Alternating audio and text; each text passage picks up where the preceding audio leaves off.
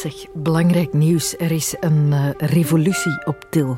Een revolutie van de avondmensen, die het gehad hebben met de dictatuur van de ochtendmensen. Want onze hele maatschappij is gericht op de vroege vogel, op al wie vlotjes uit het bed komt gehopt bij het krikken van de dag. En daar hebben de avondmensen het nu wel stilletjes aan mee gehad. Zij willen ongegeneerd later uit hun nest kunnen komen, langzamer aan de dag beginnen en vervolgens pas echt beginnen knallen na de middag of tegen de avond. Want, en dat is heel interessant, ook een goed argument om die revolutie daadwerkelijk te ontketenen, er zijn veel meer avondmensen dan ochtendmensen. 10% is ochtendmens. 30% is avondmens en al de rest zweeft daar tussenin. Dus waarom starten we ons hele maatschappelijke leven dan zo vroeg op de dag? Dat zoeken we uit. Dus welkom, revolutionaire en alle vrienden van de revolutie in de wereld van Sophie.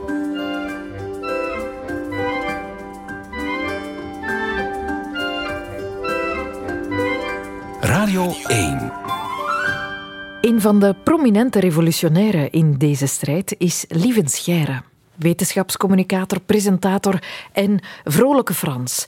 Is heel wat minder vrolijk als je hem in de ochtend al komt storen. Hij slaapt het allerliefst tot 10 uur, 11 uur en piekt pas echt tegen de avond aan. Aan de andere kant van het wekkerspectrum vind je Peter van de Veire. Al 17 jaar is hij de vroege vogel die je wakker maakt op de radio. Eerst bij Studio Brussel, daarna bij M&M en nu bij Radio 2. Vincent Bilot had met beide heren een gesprek over twee zeer verschillende bioritmes.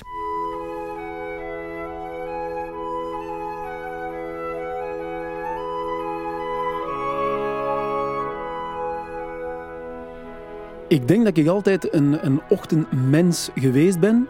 Mee kunnen opstaan met de natuur, dat klinkt misschien heel klef, maar dat is echt fijn. Zo de zon zien opkomen, uh, bijna het gras zien ontwaken, die dauw eraf schudden, gekke vogels die rondvliegen. Ja, ik vind dat een beetje romantisch, maar ook wel heel fijn. Ik denk wel eens, weet je wat, ochtendstond, hou dat goud lekker in je bek en laat mij slapen het gaat in tegen mijn bioritme. Dat, uh, dat merk ik aan alles. Ik ben een uitgesproken avondmens. Dus ik merk dat ik eigenlijk pas na het avondeten echt mijn beste momenten heb, mijn geïnspireerde momenten heb. S'morgens word ik bijna altijd suf wakker. De voormiddag is uh, inlooptijd.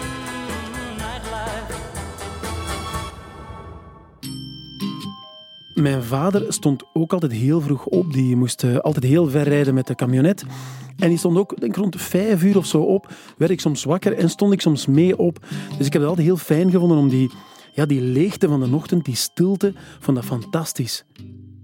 Dan vond ik ook geweldig om over lege autostrades te rijden, rare koplampen te zien en, en alleen te zijn met, ja, met de nacht. Wat voor mij het probleem is met uh, vroeg opstaan, is dat het volledig tegen mijn bioritme ingaat. En mensen zeggen, is dat dan geen kwestie van oefening en van training?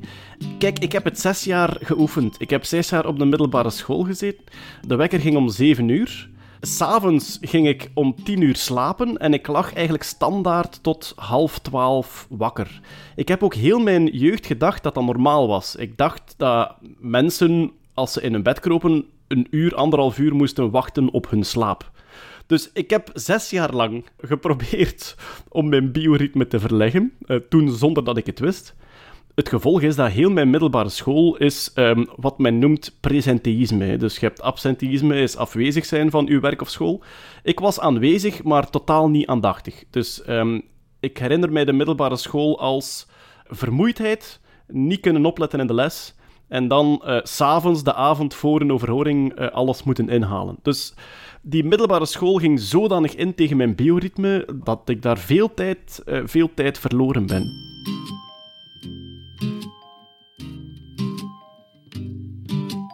Ja, bij, een ochtend-dj is dat, dat is geen ochtend meer, dat is natuurlijk nacht.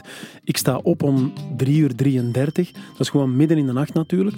En je bent ook behoorlijk stil, want ja, mijn vrouw mijn, mijn, mijn zoon ligt nog te slapen. Maar je kunt vierkant je goesting doen. En dat, is, dat maakt het ook aangenaam. Je kunt echt gerust opstaan. Er is geen stress, er is geen spitsgevoel, er komt er niemand lastigvallen. En het voordeel is letterlijk, je bent alleen. Uh, ja, dat vind ik iets heel herkenbaar, omdat als avondmens heb ik die ongestoorde tijd, uh, s'avonds, tussen, laten we zeggen, 11 en 2.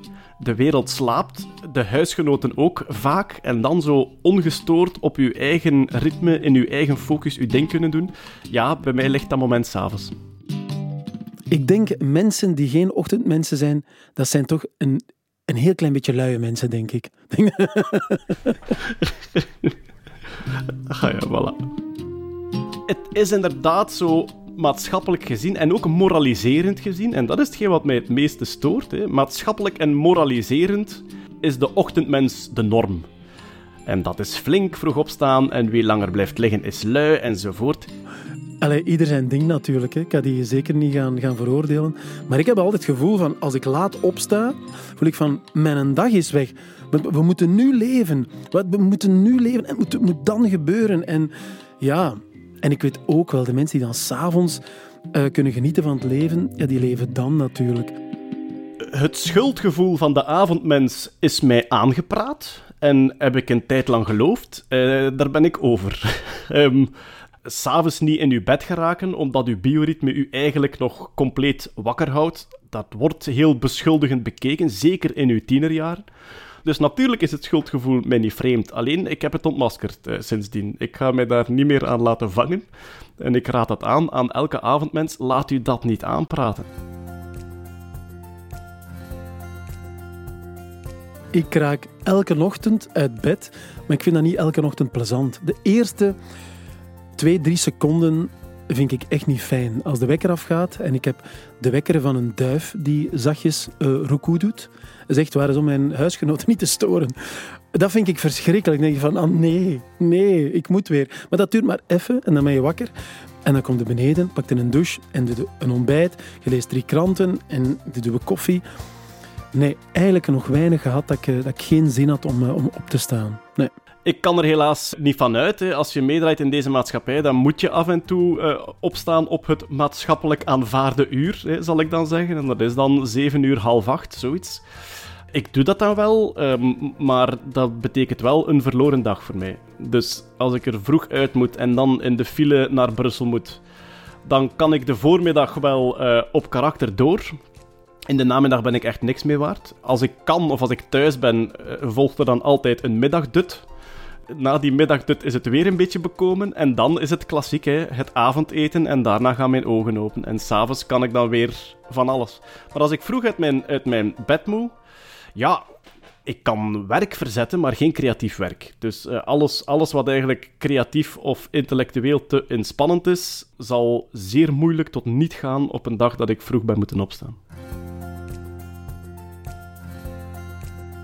Ik zou iedereen aanraden om toch minstens een paar keer s morgens vroeg op te staan. Je hebt een psychologische voorsprong, maar ook als je dan naar buiten gaat, dan ruikt je de wereld zoals die is. Overdag wordt die bezoedeld door allemaal mensen die veel te veel stinken en lawaai maken. En dan krijg je s'avonds een soort ja, ruisgeur. En dat wilt je toch niet. Dus sta vroeg op, het is veel leuker. Oké, kijk, blijf ons verplichten. Hè? Blijf ons gerust verplichten om om 9 uur in Brussel te staan, maar je hebt geen zak aan ons. Dus als je mij om 9 uur in een vergaderstoeltje zet, dan is het presenteïsme. Ik ben daar. Ik ben daar en ik luister. Of dat er veel uitkomt en of dat ik er veel van oppik, dat uh, laat ik in het midden. Ik heb intussen wel geleerd om een soort um, Spartaanse discipline te kweken, wat, wat opstaan en dan ook gaan slapen betreft. Ik ga meestal ergens rond acht uur slapen en ik probeer dat wel vol te houden. Ik heb wel behoorlijk gezondigd op het einde van M&M dat ik wist van, ja, het zijn echt de laatste weken, kan het mij nog schelen, maar wel met veel goesting. Dat was een soort routine intussen. En toen ben ik echt wel een paar keer gewoon los blijven zitten. Ook het soort protest van, uh, wel, ik, ik, drink nog een glas wijn en ik kijk nog naar een programma van Tom Waas en nog één en nog Netflix. Gewoon om mijn eigen wat uit te dagen. Maar meestal ben ik daar heel spartaans in en ga ik echt op tijd slapen. Ja. Ik heb gelukkig mijn leven zo kunnen organiseren dat ik in de voormiddag ehm, rust kan nemen en dat ik dan s'avonds ga optreden en na het optreden zelfs vaak nog tot een uur of twee uh, in de administratie duik. Ja. Ik merk dat vakanties, um, dat dat voor mijn lichaam en mijn kop het signaal is van ah, jij gaat rusten. Oh, maar dan gaan wij ook mee rusten. En dan word je ziek en dan krijg je ja, een verkoudheid of dan, dan word je plots heel moe en kun je het niet verklaren. Dus mij gaat het niet horen zeggen dat het gezond is om zo vroeg op te staan. Dus ik denk dat je moet bezig blijven, dat dat een truc is. Maar gezond, denk niet dat dat gezond is, dit. Ik denk eigenlijk dat we naar... Enfin, als ik nu utopisch denk, eh, misschien moeten we de wereld dan zo organiseren dat we tussen, laten we zeggen, 11 uur s ochtends en 5 uur s avonds zijn we collectief bezig en zijn we voor elkaar bereikbaar. En laat die hele ochtend maar aan de ochtendmens, die dan ongestoord zijn eigen ding kan doen. En laat die hele avond maar aan de, aan de avondmens. Ik denk dat daar een soort, uh, een soort uh, prachtige maatschappelijke organisatie in kan zitten. En dat zou een kleine ingreep zijn die een enorm verschil zou maken voor de avondmensen onder ons. Maar er zit een soort frisheid in je ochtend die je s'avonds niet hebt. S'avonds is alles al warm en, en wak. Het is zo gelijk weet je, een broodje met, met kaas en tomaat. Je moet dat meteen opeten s morgens. Je moet dat niet laten liggen een hele dag in de frigo. Dan is dat wak en dan smaakt dat niet meer. Ach, uh, het leven is als een uh, goede rode wijn. Hè. Laat dat een beetje rijpen en die wordt alleen maar uh, rijker en lekkerder.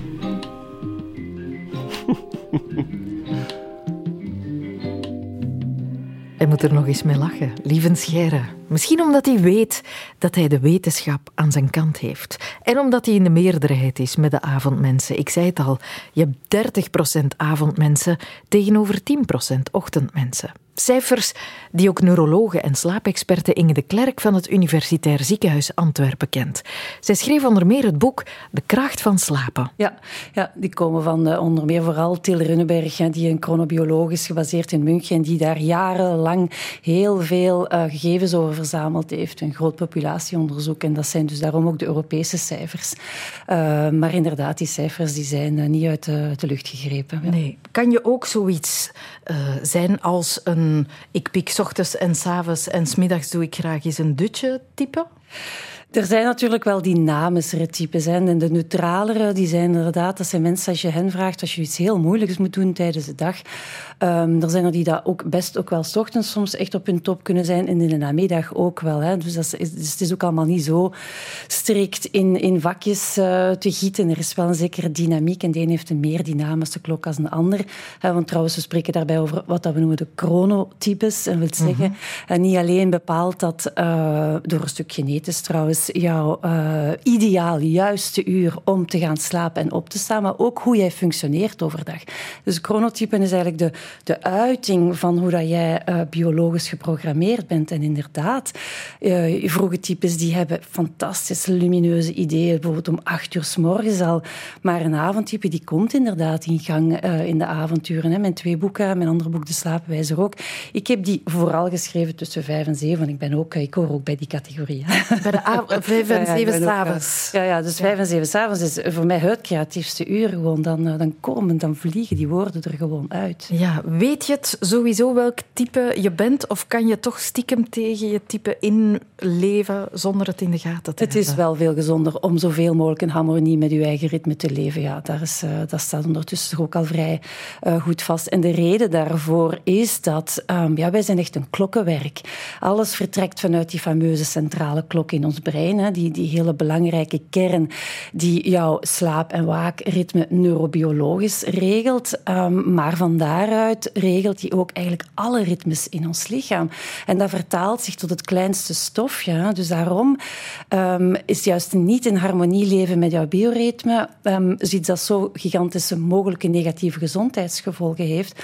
Omdat je er dus werkelijk de biologische ritmische werking van een hele hoop metabole processen mee gaat verstoren. vidare.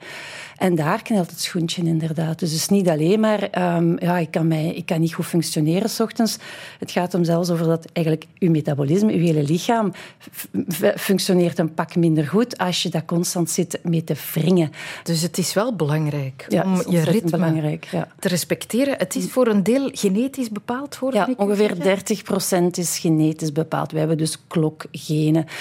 De, de Nobel, Nobelprijswinnaars voor eh, geneeskunde in 2017 waren die biologen die voor het eerst op fruitvliegen dan wel hebben ontdekt dat er inderdaad zoiets als klokgenen en, en circadiaanse ritmes, hè, min of meer de ritmes van min of meer een dag bestaan. Dus uh, het staat in elk geval onomwonden vast dat we klokgenen hebben. Daar kan niemand nog iets tegen inbrengen. Wat zijn dan de andere factoren die bepalen welk ritme jou het best ligt? Uh, onder meer leeftijd is een belangrijke rol. Hè. Bijvoorbeeld heel typisch pubers die worden uh, door de hormonale ontwikkeling eerder al latere types.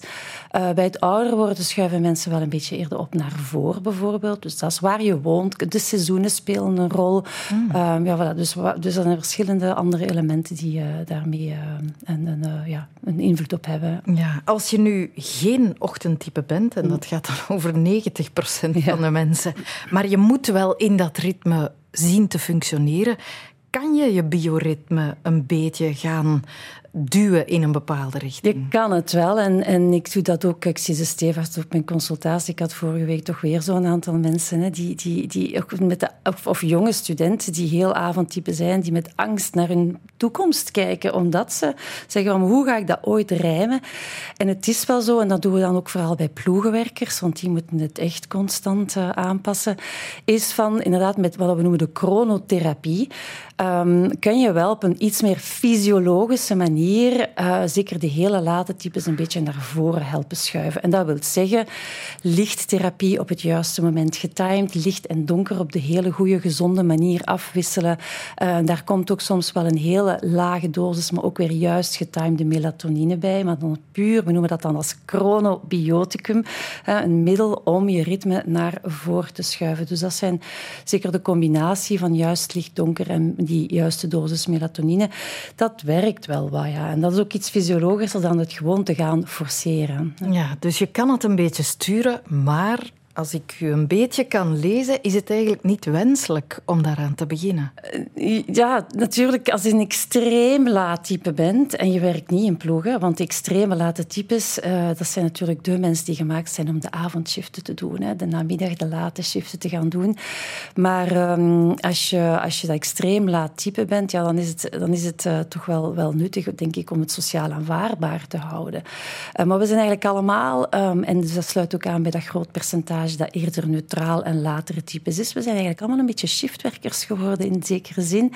Omdat we dus inderdaad, en dat zie je heel goed als mensen uh, bijvoorbeeld op de consultatie ook vragen ze om een slaap-waak-dagboek bij te houden, waar dat slaap-waakpatroon in ingevuld wordt. En je moet niet naar de data kijken om er de weekends uit te halen. Mm -hmm. In het weekend, ploef, schuift dat twee uur naar achter. Uh, en in de week, oep, moet dat geforceerd naar voren. Dus eigenlijk heel veel mensen zitten, en dat noemen wij dus ook de sociale jetlag. Um, dus daar moeten we wel vanaf. Want die sociale jetlag, dat weten we, dat is ongezond. Daar is ook al heel veel onderzoek, onder meer door die fameuze Til Runnenberg, over gedaan. Hij is ook degene die het concept bedacht heeft, trouwens.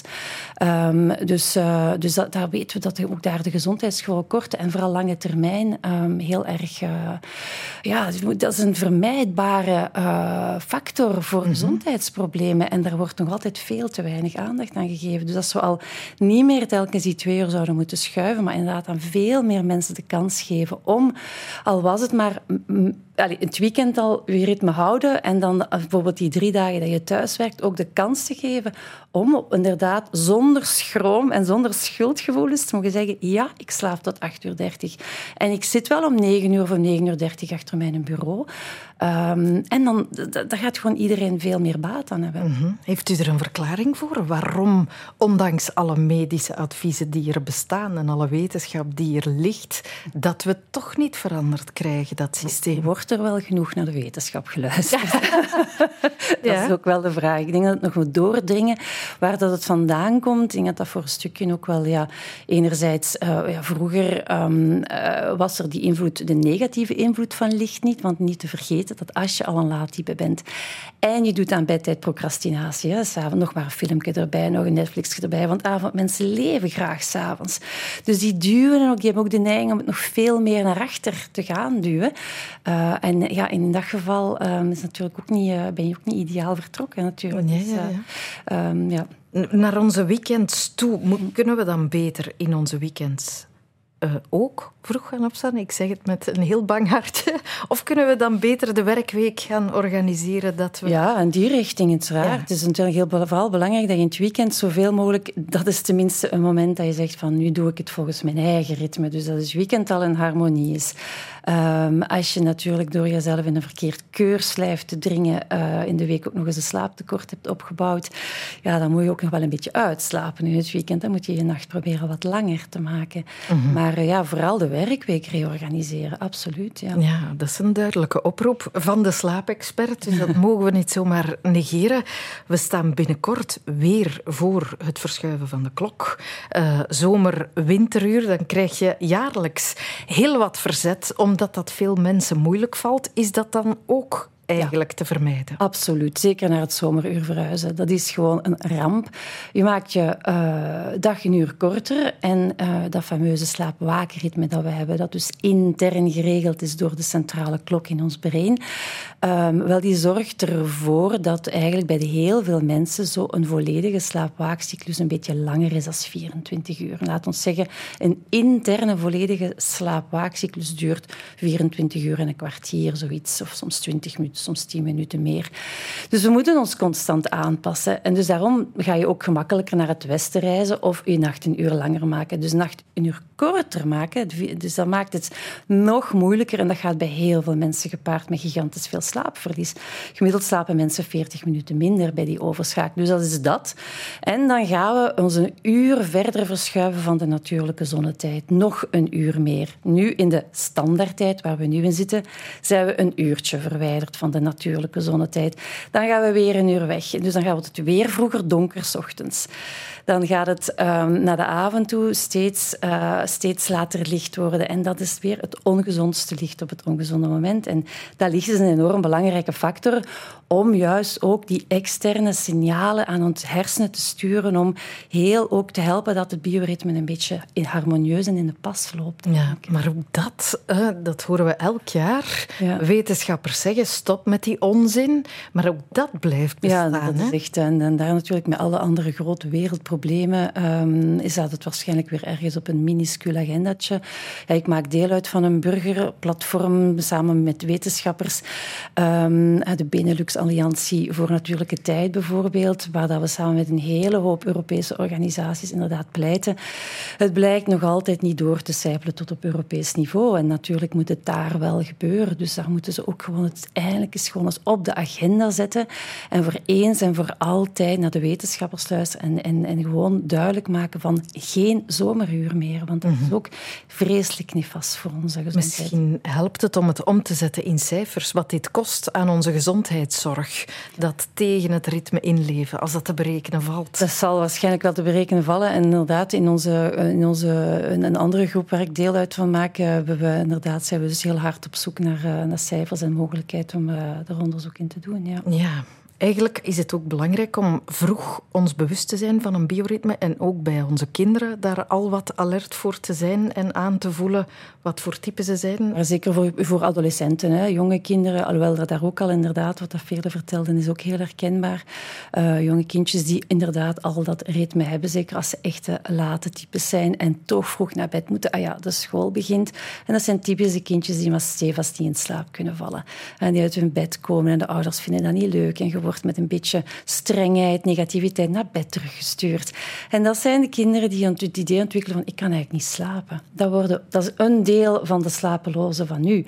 Maar natuurlijk ook in de volwassen wereld. Hè, van ja, kruip dan vroeger in bed, hoor je dikwijls zeggen. Maar als je er neurobiologisch niet voor gemaakt bent, dan werkt het gewoon. Ja, 30% van de mensen die niet kunnen inslapen, die hebben een ritmeprobleem, geen slaapprobleem. En inderdaad, kinderen en zeker adolescenten die late types worden, er is veel onderzoek, zeker in de UK bijvoorbeeld, al gebeurd, waar als je een half uurtje later al maar, vanaf 16 jaar, een half uur later de school laat starten, dat je daar al opvallende verbetering ziet naar mentaal welzijn. En als er nu één maatschappelijk probleem is, nu zeker, dat is het mentaal welzijn van onze jongeren.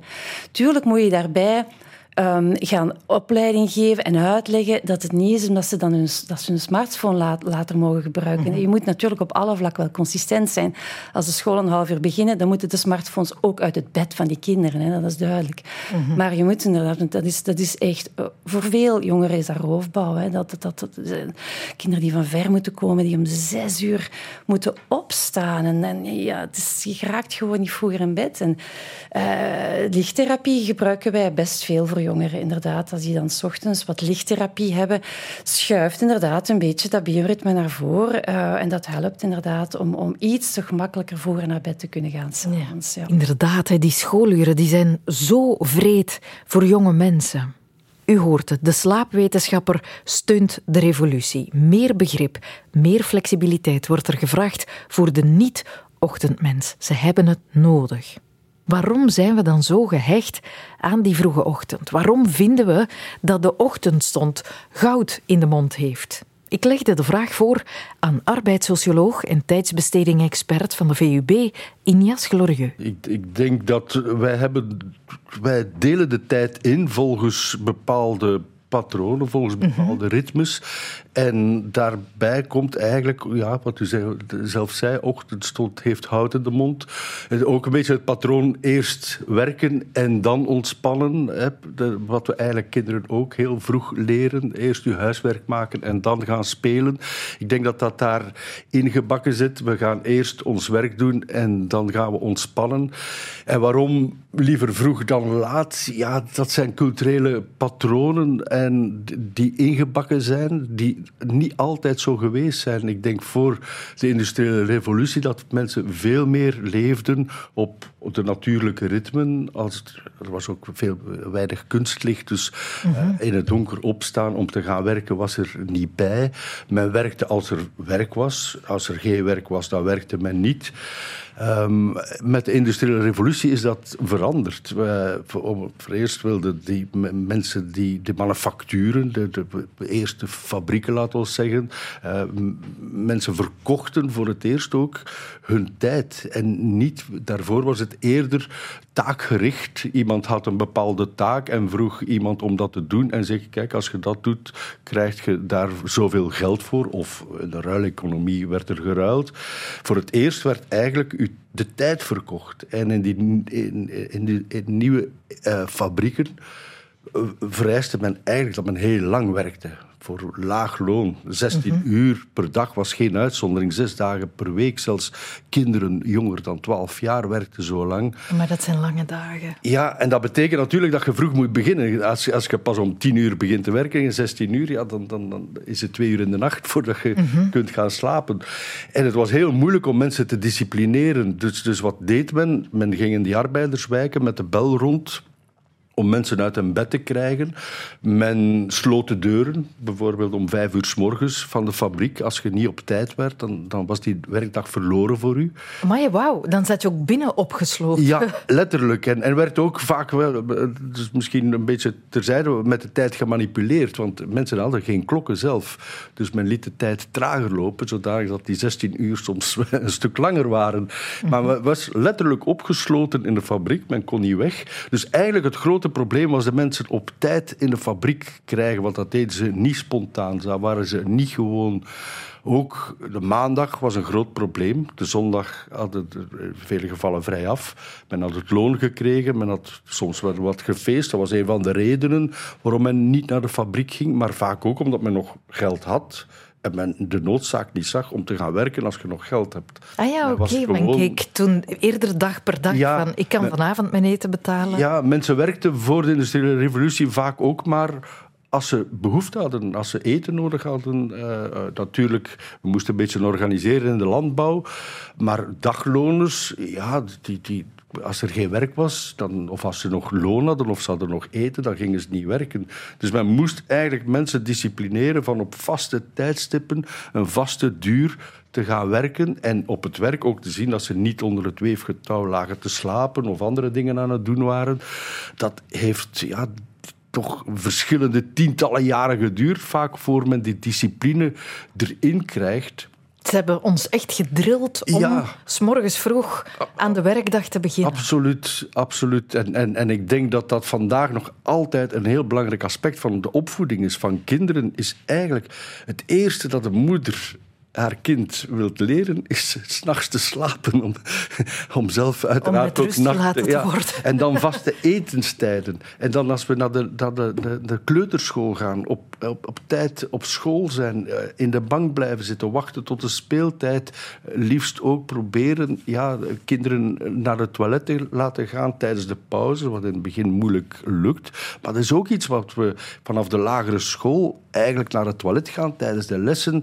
Dus wij gaan onze natuurlijke behoeften vormen naar eh, vaste tijdschema's, mm -hmm. zodanig dat we een bepaalde discipline eigen maken. En, en eigenlijk hebben we ons dat... Wij beseffen dat natuurlijk niet, omdat het een tweede natuur geworden is.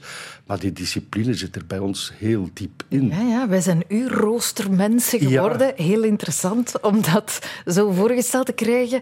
Wat je natuurlijk kan zeggen, het was het kwam praktisch beter uit voor die eerste mhm. fabrieken. Maar er is ook ergens een waardeoordeel Absoluut. in geslopen dat vroeg wakker zijn beter is. Ja. Eigenlijk, die, die, die, die roosters die we geïnternaliseerd hebben, zijn ook verbonden met bepaalde normen. En de ochtend is eigenlijk de tijdstip van discipline, van werken, van, niet van ontspanning vergelijk het met, met het nuttigen bijvoorbeeld van een pint bier. Om zeven uur s morgens iemand een pint bier zien drinken, dat is eigenlijk vies. Mm -hmm. van spreken, dat is, dat is niet proper. Om zeven uur s'avonds hoort dat wel. Terug eerst het werk, dan, dan de ontspanning. En ja, ochtendstond heeft hout in de mond. Ik denk dat dat het een vorm van discipline is. Discipline in onze cultuur is heel belangrijk. Vergelijk het met zwaarlijvigheid en slank zijn. Slank is gediscipline, zwaarlijvigheid is, is, is mm -hmm. iemand die het niet onder controle heeft. Vroeg opstaan denk ik, is hetzelfde. Betekent iemand heeft de discipline van vroeg op te staan, vroeg te beginnen, gedisciplineerd te werken en dan mocht je s'avonds genieten. Ja, waar komt dat vandaan? Is dat het idee van ja, wie hard werkt, levert ook op voor de samenleving? Ja, ik, ik denk dat voor een stuk de, het, de protestantse ethiek, zoals we daar noemen, de protestanten, uh, uh, Benjamin Franklin uh, bijvoorbeeld, time is money, elke, elke seconde moet, moet nuttig gebruikt worden. Maar eigenlijk al veel vroeger, in de zesde eeuw, de regel van Benedictus in de kloosters, had eigenlijk een beetje hetzelfde principe. We hebben, we hebben een, dag, een week, een jaar en dat werd heel strikt volgens de regel van Benedictus geordend. De dag begon eigenlijk al midden in de nacht ongeveer, waar men opstond om te gaan bidden, bepaalde rituelen uit te voeren, terug te gaan slapen, een paar uur later terug opstaan. Dan uh, hadden ook namen, de primen, de de, de, de sixten, de noon, het negende uur, wat nu nog de noen is. Heel gedisciplineerd volgens een bepaald ritme van s'morgens vroeg tot s'avonds laat werken en bidden. Dat was de regel van Benedictus. Wat je eigenlijk in alle religies bijna terugvindt. De, de, de moslims hebben hetzelfde een paar eeuwen na de regel van Benedict, maar hebben eigenlijk bijna hetzelfde. Op vaste tijdstippen die heel strikt eh, moeten nageleefd worden, bidden, op een bepaalde manier bepaalde rituelen uitvoeren, die de dag op die manier indelen en elk dagdeel dan ook een bepaalde betekenis geeft is eigenlijk een manier om ja, gedisciplineerd te leven, eh, strikt volgens in dat geval de regel van God. Hè, mhm. Op de juiste momenten bidden, maar ook zorgen dat het werk op de juiste momenten en goed gedaan wordt. En ik denk dat dat eigenlijk ja, in onze cultuur ingeslepen is. Ja. Later met de protestantse ethiek, die de katholieken ook geleidelijk aan overgenomen hebben. Maar mm, waar je eigenlijk nog een gradient ziet, denk ik, tussen de discipline. Denk aan de Nederlanders vergeleken met de Vlamingen. En vergelijkt de Vlamingen met, met, met de Spanjaarden bijvoorbeeld. Dat schuift allemaal mee. ook mhm. die landen gaat die discipline overnemen. Maar eigenlijk, ja, orde, discipline is iets wat in onze cultuur sterk gewaardeerd wordt. En, en, en het laten gaan is eigenlijk iets wat, wat, wat niet hoort of, toch niet gewaardeerd wordt. Heel interessant, hè? Het rijk van de ochtendmens ontstond samen met de fabrieken, toen men begon te verlangen dat iedereen op een specifiek moment aan de slag ging. Je kan je inbeelden dat dat niet vanzelf ging. Ineens, na eeuwen, millennia zelfs, van opstaan op het ritme van je lijf of van het licht, moesten mensen met grote groepen tegelijk uit hun nest gehaald worden, om dan voor een appel en een ei gedurende 16 uur je nikkel te gaan afdraaien in een fabriek.